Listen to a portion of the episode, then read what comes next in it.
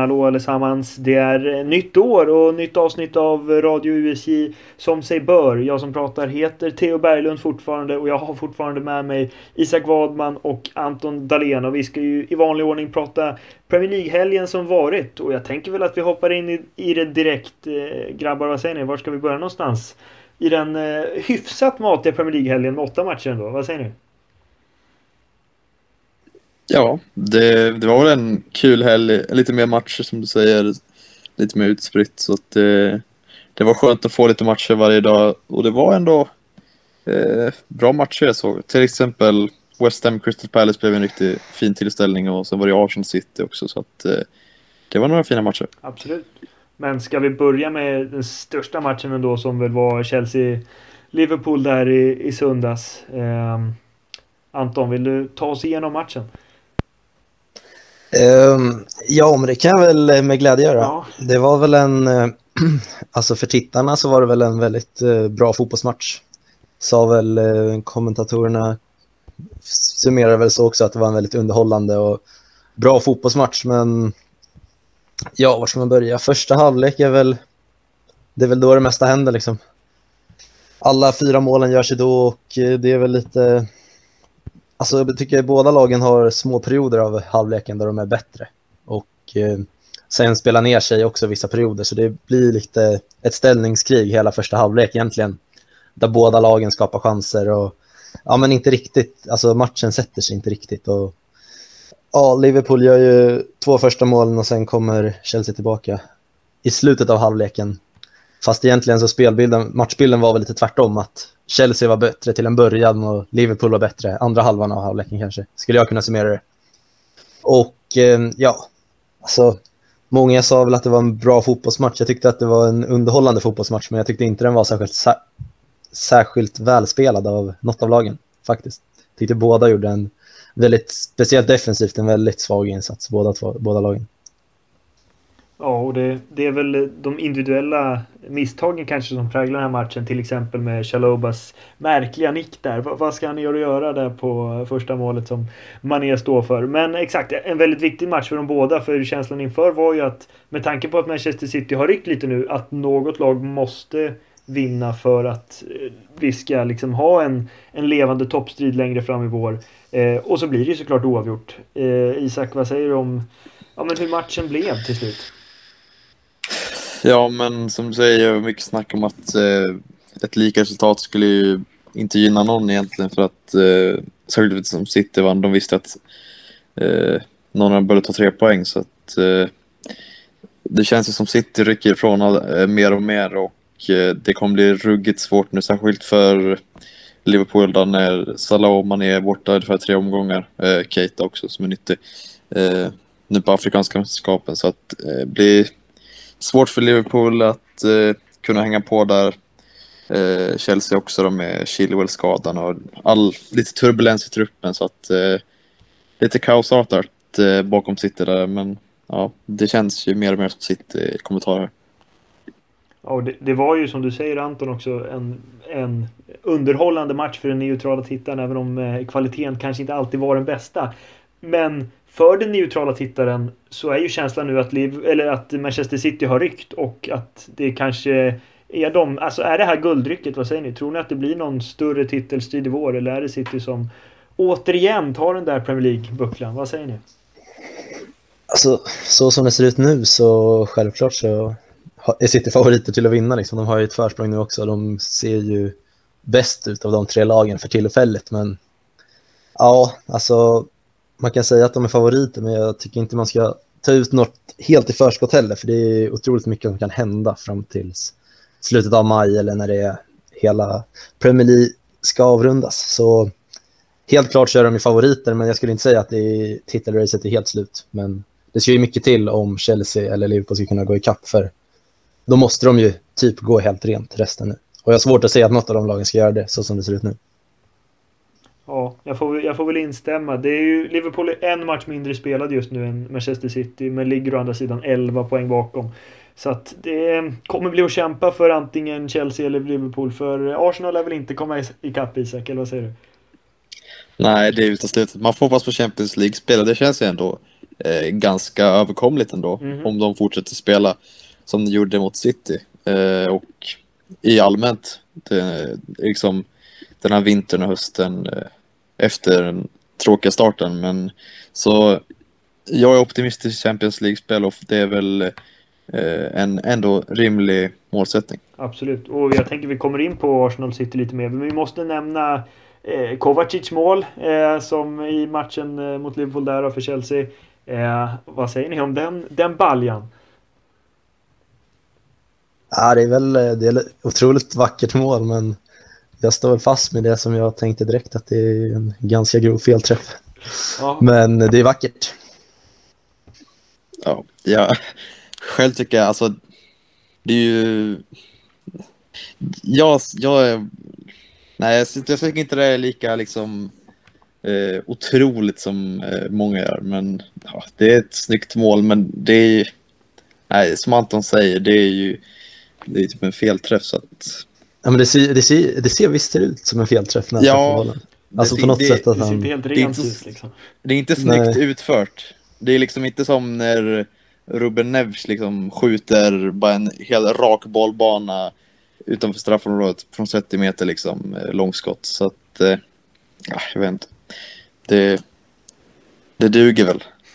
Ja, det, det, jag måste ändå försvara Kovacic här. Alltså den, att han tar den på volley, liksom, han backar ju bak så och träffen han får ja, ja. så att vida var den landar i målet. Men sen det ser liksom inte klockrent ut. Det syns att han inte är den perfekta anfallsspelaren så att vida liksom. Men i, i, teorin är det ett väldigt snyggt mål i alla fall om man kan säga så. Ja, det är väldigt, det är väldigt svårt att dra den på volley i det läget ja. så man ska inte ta ifrån honom att han liksom ändå gör det och träffar målet. Det är ju imponerande. Det är ett fint mål. Men... Ja. Jag tycker det ser, det ser ut som att han typ siktar på andra sidan målet eller något, liksom med foten, hur han vinklar den. Ja, men eh, det gav i alla fall Chelsea ett viktigt poäng där. Eller ja, hur det blir. Det kändes ju lite som att matchen var ju som hetast kanske i början av matchen när målen kom, eller första halvlek. Men båda lagen behövde ju göra mål egentligen för att ta den här trean. Så att en omvänd matchbild kanske hade varit mer rimlig om ni... Ja, vad säger ni om det? Det blev ju väldigt hett eh, alldeles i början när Mané hopp, hoppade upp och armbågade eh, Aspilicueta i huvudet efter sex sekunder eller vad det var. Eh, något sånt. Så att ja, det är frågan om det där hade varit typ 60 minuter in istället för 6 sekunder in. Så kanske det hade varit ett rött kort. Jag vet inte. Det, ja, det, är inte, det är svårt det är att säga. Det är inte helt omöjligt alltså. Det känns som att det är mycket baserat på när i matchen det skedde. Som att det inte blev ja. kort för, ja. Möjligtvis också att VAR inte ska gå in och bedöma i vissa situationer. Ja, men... ja alltså, det är i alla fall otroligt klantigt att ge domaren den möjligheten, liksom, mm. sex sekunder in i matchen, att kunna gå in och plocka ett rött kort. Även om jag vet tusan om jag skulle säga att det är ett rött kort, för jag tycker inte riktigt att han träffar med armbågen, han träffar ju mer med underarmen. Typ. Ja, sant. Men det är, otro, det är ändå fult, liksom, självklart. Ett gult kort minst. Oh. Aspilicueta, han får mycket emot sig. Först var det Zlatans eh, ta hockeytackling i ryggen och sen nu är det Mané som håller på äh, slagpåse. Ja, verkligen. Det är inte lätt att vara Aspilicueta. Eh, men eh, ska vi säga några ord också just eftersom de här två lagen, Chelsea och Liverpool, är ju de som ska utmana Manchester City. De kommer tappa främst Liverpool såklart. Eh, spelar nu till Afrikanska mästerskapen som du nämnde där Isak. Med, eh, ja, som äger rum nu i januari. Vad tror du Anton? Hur eh, jobbigt kommer det bli för Liverpool utan Salah och Mané? Um, ja, alltså förhoppningsvis så missar de ju bara två matcher. Mm -hmm. Det beror lite på hur långt de går i mästerskapet också. Två, eventuellt tre ligamatcher blir det som de missar i alla fall. Och det är ju då Brentford hemma och Crystal Palace borta. Mm. Och det är ju ändå, om det bara blir då, sen är det Leicester hemma i tredje matchen och den är väl lite tuffare. Men om det bara är de två förstnämnda så, så ska ändå Liverpool kunna reda ut det utan, utan spelarna som de blir, blir utan. Liksom. Så alltså på så sätt så är det väl lite tur att man just fick relativt enkla matcher under den perioden. Men Sen vet man inte, liksom, alltså, stora delar av hela Liverpools spelsätt bygger ju på Mané och Salah. Liksom, så det, man kan ju inte garantera att Liverpool ska gå ut och köra över Crystal Palace på bortaplan utan de två.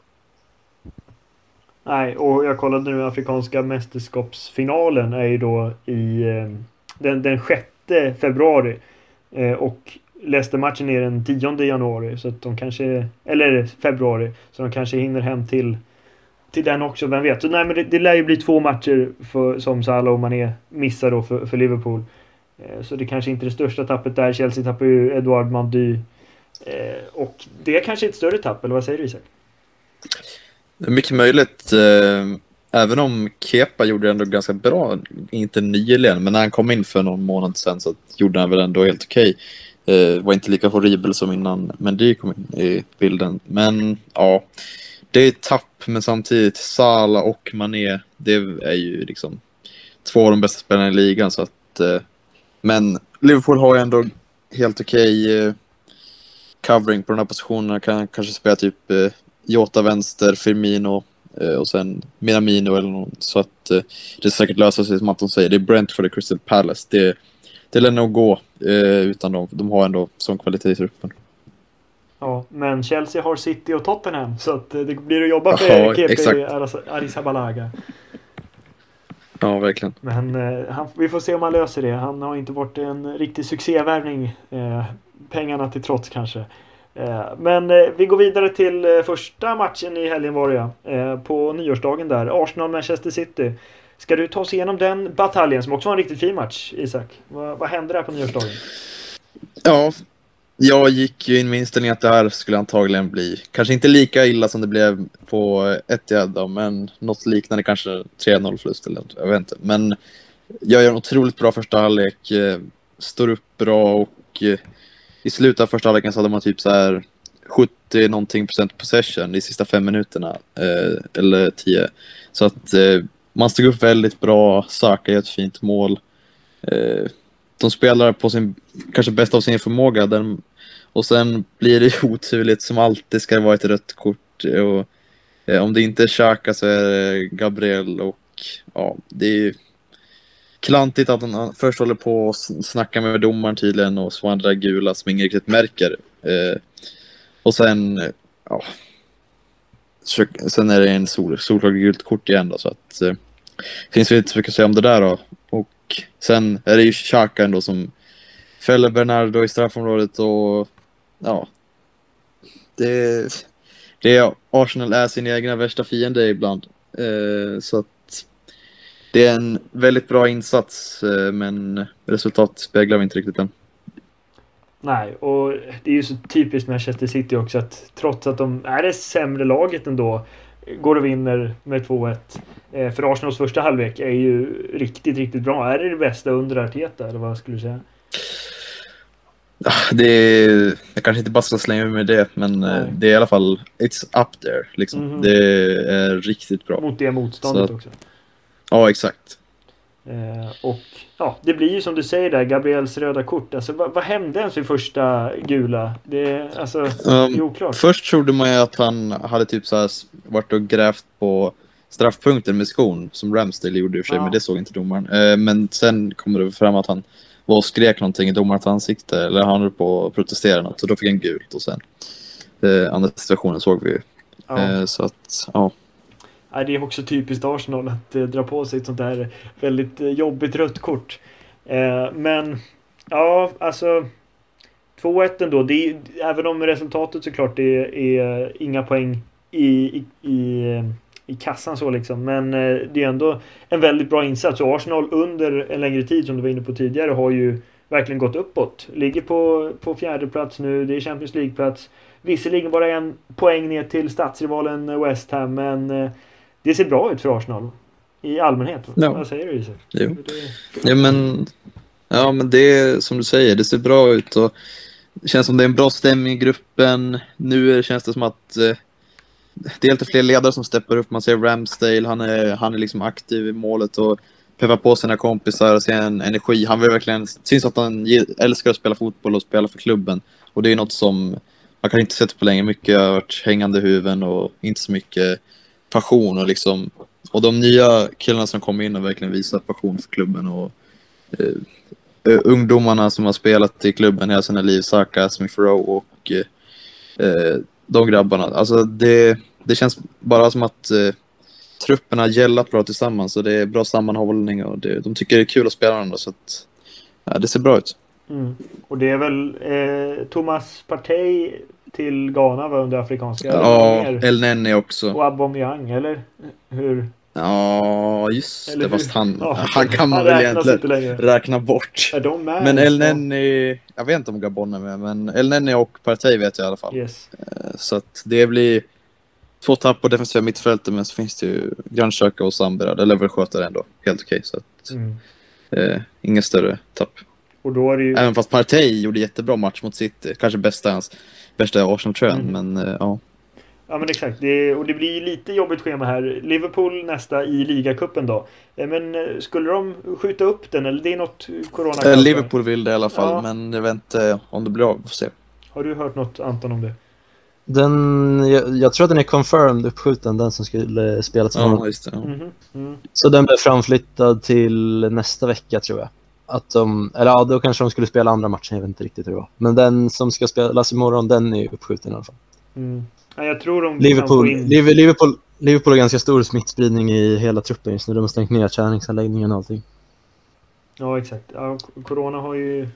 Fortsätter ju härja runt i Premier League tyvärr. Men sen är det ju North London Derby för Arsenal den 16. Så att... Eh... Ja, det blir spännande. Nu är det Conte eh, styr och allting. Så att, eh, ja, men det blir en riktigt spännande match. Ja, men exakt. Vi kanske kan gå över till Tottenham där. Eller vill du säga något Anton om City-Arsenal? Nej, alltså det var ju en, eh, det var en trevlig fotbollsmatch att kolla på tyckte jag. Blev imponerad av Arsenal framförallt. Tyckte väl ändå att i alla fall i första halvlek så var de jäkligt bra som ni var inne på. Men sen har de lite oflyt där, riktiga otursminuter liksom. Typ. Missar upp ett mål, åker på rött kort och släpper in mål liksom, inom loppet av typ 3-4 minuter. Så det, då är det väl lite tufft. Men, nej, men det var en bra match.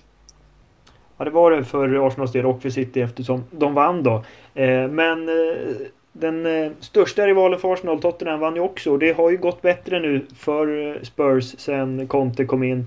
Det var inte en, en alltför övertygande 1-0 seger mot Watford men eh, trots att man är mål väldigt sent så ska ju alla de där tre poängen in och eh, det lyckas man med. Eh, vad säger ni om Tottenham så här under Conte? Det har ju onekligen blivit bättre rent resultatmässigt och man ligger med där på, vad, är det, vad ligger man? Sexa är det? Absolut, och man har tre matcher mindre spelade i förhållande till City ändå. Så det går ju bättre för, ehm, för Tottenham nu. Vad säger ni? Ja, alltså man börjar väl ändå se att Conte liksom börjar få in, få in sina idéer i laget. Och det, det ser ju bättre ut än vad det gjorde innan. Men de har väl ändå lite mer att bevisa innan man ska vara helt övertygad att det liksom på så här kort tid har blivit så pass bra. För det, de har inte imponerat i alla matcher heller. De har varit lite ojämna. Southampton-matchen var de ju ganska usla tyckte jag när de spelade 1-1. Med en man mer stora delar av matchen. Liksom. Men och sen, ja det var väl Liverpool där 2-2 gjorde de väl en helt okej match också. Men förutom det så har de ju egentligen bara mött liksom, bottenlag om man säger så hittills. Så ja, det blir, Arsenal-matchen blir rolig att se vart de verkligen står. Det blir lite en sån värdemätare, en bra värdemätare. Ja, verkligen. För att nej, det har inte sett klockrent ut spelmässigt för, för Tottenham. Men om de skulle ta en seger mot Arsenal så är det Ja, det är betydelsefullt rent symboliskt att vinna mot rivalen så, men också att man verkligen vinner mot ett av de större lagen. Så det blir en intressant match där. Eh, vi kan väl nämna att Ken Sema också startade för Watford första gången på typ ett halvår. Eh, det var väl ingen supersuccé han stod för. Såg du matchen Isak, eller vad, har du något att säga om Ken Sema? Ja, ja jag kollade på matchen. Eh, alltså, det var väl ingen riktigt eh, strålande insats. Han var väl ganska osynlig ändå, men eh, han gjorde ingen misstag i alla fall. Och Watford spelade ändå, de höll ändå upp det ganska bra, även om fast var, de, de, de höll tätt länge, men också Tottenham spelade ju rätt dåligt, så att eh, det var väl det som kanske så, säger mest om den matchen. Men eh, ja, det är kul att han får starta, Ken. Eh, Eh, han har ju fått, fått väldigt lite speltid. Han började i säsongen med några starter men sen har det blivit sparsamt. Så ja. Jag, eh, jag tänkte kan se om jag gjorde en bra defensiv insats speciellt. Han jobbar ju hårt där på vänsterkanten. Ja, ja. Men jag såg, jag såg en stat så här, alltså i första halvlek så hade han, han hade så här orsakat tre frisparkar och slagit en precis passning. Så det var så här, såg inte så jättebra ut i statsen. Comeback i startelvan där. Ja. Men ja, det går inget vidare för Watford ändå kan man inte påstå. Även om de ligger över strecket nu. Men de har ju de har tre lag under sig och det som i så fall ska hålla kvar Watford är väl att de tre är ännu sämre. Eh, för Burnley, det går inte så bra för dem. Eh, Sean Dice får inte riktigt eh, rätt på det där laget den här säsongen. Förlorar mot Leeds med 3-1. Eh, vad har ni att säga om den matchen? Har ni något? Nej, alltså jag kollar inte på den, men det är, jag kan konstatera att det är kul för Leeds att de börjar komma igång. Och man ser ju på... Man har sett det här klippet på Bielsa och hans assisterande eller vad det James har gjort 3-1 och bara ser lättnaden på deras... Eh, eller på deras kroppsspråk att de äntligen får med sig en trea. och det, det känns kanske som att det börjar vända nu för Leeds för nu är det i alla fall inte lika mycket skador i truppen och Eiling är tillbaka och Rafinha har hållit sig hel ganska länge och kanske om James börjar komma igång nu också så att eh, eh de får hoppas att det bara vänder uppåt nu och Burnley det enda ljusglimten i deras lag är väl Maxwell Cornet just nu men han kan inte göra det själv liksom. Så ja. Ja, nej. Eh, Corné har varit väldigt bra, men Burnley har ju har ju haft det tyngre verkligen och om man ska vara objektiv så kanske man inte får säga det men det känns ju som att det är roligare om det går bra för Leeds än för Burnley. Eh, med ja. tanke på, på spelsätt och så. Eh, men Leeds ja, ja de, de gör ett litet ryck ändå även om de har matcher fler spelade. Det är väldigt hackig tabell liksom med olika antal matcher spelade men de har ändå 19 poäng nu Leeds och Burnley har 11. Eh, så att, ja, är det någon som liksom mår dåligt om Burnley åker ur, även om man gillar det här Sean Dice-gänget som alltid är tråkiga att titta på men eh, alltid får poäng på något sätt. Förutom den här säsongen. Vad säger du Anton? Har du någon förkärlek för Burnley? Nej, faktiskt inte. Man har ju suttit och väntat några år där för att de ska åka ut. Men ja, får väl ändå säga att jag hoppas att de åker ut. Det, det börjar bli dags att, eh, ja men de är hemma i Championship så det kan komma ett nytt Burnley, men kanske något annat lag som spelar likadant från Sheffield. Det hade varit lite roligare med något nytt. Absolut, här är vi objektiva. Det är perfekt. Eh, ja, och de övriga bottenkonkurrenterna där spelade ju inte Newcastle och, och Norwich. Eh, vilka matcher var det nu igen som inte blev av? Jag kan de inte, vilka, vilka mötte varandra så att säga? Leicester spelade inte va? De skulle spela mot Stämmer. Norwich. Mm, Norwich ja. Och sen det var Newcastle också mot... Var det Southampton? South... Ja, Southampton Ja, måste det varit. Ja. Stämmer ja. ja, de får ta igen där. Eh, Newcastle, man vet kan... inte vad, de, vad som händer med dem efter januari. Ja, men... Man kan ju säga att eh, det som händer idag är att uh, Trippier har ju har varit på deras träningsanläggning idag. Ska väl göra sin ja. Eh, medicinska undersökning. Så att det blir deras första nyförvärv med Saudi-pengarna. Så att Kieran Trippier det är ändå Tillbaka i Premier League, det är kul stark, tycker jag. Landslagsback ja. ja. men jag har ju sett att det har ryktats. Men han är inte officiell kanske, men... Inte officiellt presenterad, men han var på deras anläggning idag. Då, då känns det nära.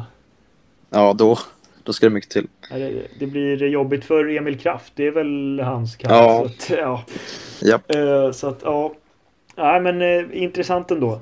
Eh, men Newcastle, om de, ja, de måste ju på något sätt lösa ett kontrakt. Eller måste och måste, de har väl pengar även i Championship. Men eh, det hade varit jobbigt för dem att åka ur så här mm. första säsongen. Det blir ännu svårare att locka spelare om man är i Championship. Ja. Så att, eh, ja. ja. Då blir Kieran Trippier ensam där kanske. De har ju ändå ett fint lag Newcastle med Sam Maximan och, och sådana lirare. Eh. Joel Linton som bollvinnande mittfältare också ja, nu på senare tid. Han funkade så. inte som liksom, riktig striker så då får man eh, tänka om. Omskola. Exakt. Eh, men ja, ska vi röra oss vidare till andra matcher som var i helgen då? Eh, Brentford-Aston Villa, två lag som det ändå går bättre för. De lär ju inte åka ur den här säsongen. Eh, men det var Brentford som gick vinnande ur striden där i eh, västra London. Eh, Anton, vad, har du något att säga om den tillställningen? Ja, alltså, inte jättemycket egentligen, men det är väl starkt av Brentford att liksom ta den där trean åt ett Aston Villa som ändå har varit på uppgång på sistone. Det känns väl som att Brentford har varit lite så här att de kan blixtra till i vissa matcher och liksom göra det väldigt bra. Och sen veckan efter var helt ja, men, usla egentligen. För de, alltså det är väldigt mycket upp och ner. Ibland ser de jättebra ut och ibland ser de väldigt mycket mindre bra ut. Så det kanske är lite så här olika typer av motstånd som passar deras spel. För de spelar ju ungefär likadant mot alla lag. Liksom. Ja, och de flyger väl lite på att de är nykomlingar också så det kanske blir en jobbig nästa säsong, vem vet.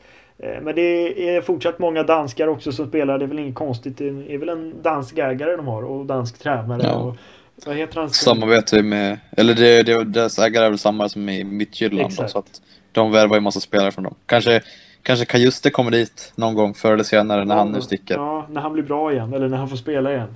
Ja, när han får spela. Vad har hänt med honom egentligen? Det är... ja, jag vet inte. Det är en väldigt bra fråga. Det känns ju som att han måste sticka det här fönstret. Och de, jag såg att de hade sänkt prislappen för honom nu också, så att mm -hmm. får jag hoppas för hans bästa att han får eh, speltid vecka in vecka ut. Och, alltså Brentford skulle väl ändå passa helt okej. Han har Pontus Jansson där, han har lite mm. andra eh, nordiska grabbar, så, eller ganska många. Så att det skulle vara kul. Ja, tycker jag. Ja, han får peta sig in där bredvid Nörgård och Jensen på mittfältet. Och Rörslev ja, som gör mål. Eller vad, hur säger ja. man det namnet? Ja, något sånt ja. på svenska i alla fall. Ja, exakt. Jag vågar mig inte på danskan. Eh, men vi konstaterar att Brentford vinner i matchen där mot Aston Villa. Eh, det var ett eh, roligt London-derby då, Crystal Palace West Ham. Du började med den lite Isak. Vill du ta vid? Vad, vad hände egentligen där på Sellers Ja, det kan jag. Ja, men det kändes väl som att, eller West Ham började jättebra och Manuel Lanzinis mål, jag skulle vilja hö- eller hålla det högre än Kosic mål, för det är ju otroligt fin eh, teknik han har vid det målet och sen bara pangar in den. Så att eh, det började jättebra för West Ham. De såg ut att hova in den där segern ganska enkelt. Eh, men sen kom Olysée in och ändrade matchbilden på några minuter. Först var det en frispark in och, eller jag vet inte om det var andra, men alltså han ändrade matchbilden totalt och det känns ju nästan lite grann att de ska kunna få med sig en poäng där. Men det var lite, kanske lite för sent eh, när han kom in då. Så att, eh, ja men de står upp bra, Crystal Palace. De har varit positivt överraskande den här säsongen. De spelar kul fotboll ändå. Eh, vi var ju lite tveksamma inför Patrik Vera inför säsongen, men han har ju verkligen motbevisat många tror jag. Så att, eh, eh, och det är viktigt för West Ham också att ta tre poäng och fortsätta jakta på Champions League-spel. Så eh, kul match. Ja men verkligen. Och, och West Ham eh, ligger femma och Crystal Palace ligger elva så det är ingen fara på taket för, för de lagen eh, så att säga. Men, eh, ja, men en intressant match som du säger. Man kanske inte trodde att det skulle bli så hett ändå när West Ham ändå leder i halvtid med, med 3-0. Eh, och ja, Lanzini-målet. Eh, Anton, vad säger du? Vilken är snyggast? Är det Kovacic eller Lanzini? Jag kan ju ana vart du landar. Ja, men jag måste hålla med Isak här. Så jag tycker Lanzins mål är riktigt vackert faktiskt. Den där sista lilla touchen innan avslutet är ju ja, det är otroligt. Det är en eh, fin framspelning av Declan Rice också när han liksom bara typ löper igenom hela Crystal Palace för att sen hitta den där fina passningen. Nej, men jag säger Lanzini. Ja, tråkigt nog så håller jag med. Det är, den är riktigt fin. Alltså liksom den farten på något sätt. Och det är ju det är ingen felträff där inte. Utan det är ju full kontroll från Manuel Lanzini som gör två målen på straff men som har kommit igång nu i, i West Ham också. Och det är alltid, ja. alltid roligt att Michael Antoni får mål också. Med fina målgester ja. och allt. Exakt, ja men Vad det är underhållande. Liksom? Vad gör han? Han, han dyker. Han dyker. Men eh, det nu lär ändå Lanzinis eh, startplats vara ganska spikad nu när Ben Rama sticker iväg med Algeriet då. Ja. Så att, eh, och han verkar komma igång på riktigt nu efter några år som inte riktigt stämt och det kommer ju nya värvningar så jag vet inte vart man har haft han riktigt. Men nu verkar han komma igång på riktigt igen. Så att eh, det är kul för Lanzini. Han, han är en underskattad spelare. Han har fin teknik och han är en riktig sydamerikansk fotbollsspelare liksom i grunden. Ja, men exakt. Han har ju blivit lite, känns det som, som en, så här, en argentinsk spelare som inte riktigt lyckas. Alltså, ja, men lite som Los Helso kanske, eller någon sån offensiv lirare. Men han får ju blomma ut här nu och verkligen när Benrahma sticker också. Eh, och West Ham som är bra liksom. Det är ju att eh, det är skadade mittbackar där kanske. Men eh, om det löser sig. Skulle du säga att det är ett större, att West Ham är ett större hot mot eh, Champions League-plats eller Tottenham? Vad, vad tar du? Jag skulle säga West Ham just nu. Mm -hmm. För det känns som de, det är lite mer de vet vad de ska göra varje vecka för att kunna ta tre poäng och det, det känns som alltid spikat där. De vet vad som krävs av dem och de verkar, de verkar trivas bra tillsammans. Det är en bra trupp. Det känns bara som att det är mer harmoni i klubben än Tottenham just nu. De är fortfarande lite i hur... De vet inte riktigt hur de ska göra med Conte. Eh, alltså spela under hand. Men så att eh, det känns, jag, jag tar stabilitet för eh, stjärnglansen mm -hmm. just nu. Ja, ja, du snackar harmoni. Någon harmoni är det ju inte i Everton direkt. Eller vad säger du Anton? Nej, det kan man väl inte riktigt säga. De får ju inte riktigt att stämma, men de verkar ju vilja ge Rafa Benitez tid, har jag hört det som. Att styrelsen ändå vill, att de ändå tror på honom. De har väl eh, säkert investerat en hel del lön och pengar för att få dit han. Liksom. Så de, de verkar ändå stå fast vid att han är rätt man för jobbet. Men eh, jag tyckte det var kul att eh, Anthony Gordon fick göra två mål där för Everton ändå, så det är väl någon typ av ljusglimt att en egen produkt som är typ 19-20 får göra två mål i Premier League. Liksom. Han har ju fått spela en hel del nu under säsongen. Benitez verkar tro, tro mycket på honom. Så det, det tyckte jag var kul ändå, men annars så... Nej, de får inte riktigt till det. Speciellt försvarsspelet har ju inte varit så bra under hela säsongen. Nej, och det, de har ju, eller det har ju blivit jobbigt för Everton när Brands lämnade där. Och eh, ja, vad heter han ägaren? Mushiri. Eh, som eh, ja. lite, ja, om, om den ena lämnar så får han väl välja den andra. Och Benitez har ju inte riktigt varit en match made in heaven. Det var väl inte från början riktigt med tanke på Liverpool-anknytningen. Men nu är det jobbigt eh, för Everton ändå. Eh, alltså de, de lär ju inte åka ur. De ligger på, på en 15 plats just nu även om det är många där nere. Eh, men det är fortfarande, det ser dystert ut nu när de ska få ny arena och allt liksom. Eh, mm. Och matchen mot eh, Brighton var inte så mycket bättre heller. Även om Anthony Gordon gör, gör två mål, vilket är roligt så med egna produkter och så. Eh, vad säger du Isak om, om Everton och deras situation? Ja, det är ljusglimtar med Anthony Gordon som du säger och sen Calvert Lewin tillbaka från skada, även om han bränner straff första halvleken så kanske inte drömcomebacken för honom och sen har de ju agerat eh, snabbt nu under transferfönstrets första dagar och tagit in först Vitalij Mykolenko eh, från Ukraina som eh, vänster wingback då blir det väl eh, istället för Digné som eh, lär vara på väg ut förr eller senare. Och sen nyligen kanske måste varit igår tog de in eh, Nathan Patterson från eh, eh, Rangers eller Celtic, jag tror det är Rangers i alla fall, så på höger wingback. Sen har värvat ytterbackar. Så att, eh, men det visar ändå att styrelsen, eh, de vill, de vill eh, fortsätta stärka laget och de lär ju fixa det här nu med eh, att stanna kvar i Premier League. Det ska nog inte vara något större problem när alla, alla är friska och krya i klubben så att Nej, det, men Raffa känns, jag vet inte. Han känns inte som att han, han är inte den som kommer ta dem till nästa nivå om man säger så. Nej. Ta in Big Sam. ja, det är kanske där vi landar till slut. Apropå, apropå ta, ja. ta lag till nästa nivå eller? Eh, de kanske borde ha någon mer långsiktig. Graham Potter kanske. Eh, även om han ja. inte lär lämna Brighton. Eh, och inte för att gå för, till Everton i alla fall. För Brighton går det ju ändå bättre för. De vinner matchen nu för tiden. De kryssar inte bara. Eh, och eh, McAllister gör mål. På tal om argentinare som inte har synts. Eller som inte kanske jag vet inte vad man ska säga om McAllister. Men eh, en rolig argentinare i alla fall. Eh, vad säger du Anton om, om Brighton? Ja, men alltså de, alltså de gör väl det som man förväntar sig att göra. Liksom. Alltså, man har ju alltid sagt att de liksom spelar bra fotboll och så. Tycker jag de gör den här säsongen också. De, de vinner sina matcher, spelar mycket oavgjort som du var inne på. Men eh, de är ju ändå inte, de har ju inte riktigt spelarmaterialet för att ta ett, ytterligare ett steg och liksom riktigt utmana om liksom, Europaplatser. Tycker inte jag i alla fall. Så de, ja, vad lig de ligger väl åtta eller något i åtta, nio där någonstans kanske. Och det är väl det man förväntar sig och det är en bra säsong av dem hittills. Helt klart. Det är ju ändå nästan över förväntningar. Om man skulle komma typ så här, om man skulle komma åtta eller nio, det är ju så här riktigt bra för jag får att det sades att deras bästa plats i Premier League var typ 15 eller någonting så att eh, mm. de har ju, de, förra säsongen var de ju liksom mer ja nedflyttningsstriden, även om i alla fall jag tyckte att de, ja, men de var bättre än vad de fick med sig resultat. Liksom. Ja. Även förra säsongen. Ja, nej, men det är alltså Graham Potter är en bra tränare och de har ett fint lag även om eh, Mopé till exempel har haft svårigheter med att göra mål men då får väl McAllister göra två istället. Eh, och, och 3-2 till Brighton mot Everton.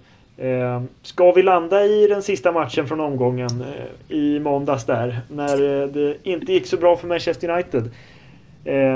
Ja, vad ska vi säga om den drabbningen om vi avslutar där alltså? Phil Jones tillbaka. Ja. Det är kul. Och han spelar bra också tycker ja. jag. Uh, han gjorde inte bort sig alls. Sir Alex var på plats och kollade på sitt, sitt gamla underbarn som han trodde skulle vara den bästa spelaren i klubbens historia, eller vad han sa då när han var på uppgång, ja. Phil Jones. Men det, det, det, är kul att han får starta nu. Det är väl, det är väl något som är bra med coviden och allting, att det, får, det, öppnar, det öppnar luckor för andra spelare att komma in. Så att eh, han gjorde en helt klart godkänd insats, men det kan man inte säga om resten av laget. Nej, det kan man Så inte. Att, jag vet inte, är liksom, får eh, Sir Alex Ferguson ännu mer självförtroende efter att inse att ingen annan kan ta över det här United-laget och göra det bra? För det har inte sett bra ut under Ralf Rangnick heller. Eh, vad, vill, vad vill tysken egentligen med United, Anton? Har du något svar på det?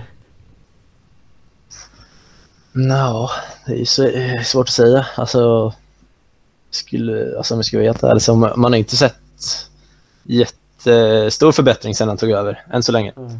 Men sen känns det ju i och för sig också lite som att hans, hans spelsätt och hans eh, sätt att se på fotboll, liksom, det är inte något som fungerar direkt heller. Att det, ändå, det tar ändå tid att liksom, ja, men bygga, han vill ju säkert bygga sitt lag om man säger så. Alltså in, även om det är med den spelartruppen de har nu så vill han vad jag tror i alla fall, så vill ju han få in några av sina spelare in i, den där, in i det där laget innan han liksom kan bygga det på riktigt.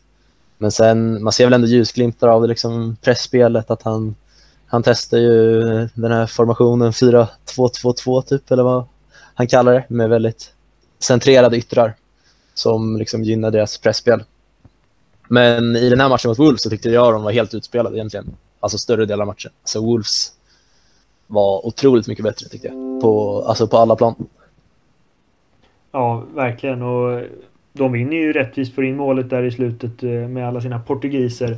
Eh, Wolverhampton gör också en, bra säsong om vi ska nämna dem lite grann. Eh, vad ligger de nu då? Det är alltid den här ständiga tabellen man får gå och titta till. De, de ja, det är väl någonstans i mitten? Va? Ja, de ligger åtta ja. och Brighton nia då. Så att en bra match och en bra säsong av Wolves. Ska vi prata lite Bruno Lage, eller hur man uttalar det namnet? Ja, men... Innan vi kanske fortsätter att tycka synd om eller klaga på United. Ja, vad säger du om portugiserna, eh, Isak?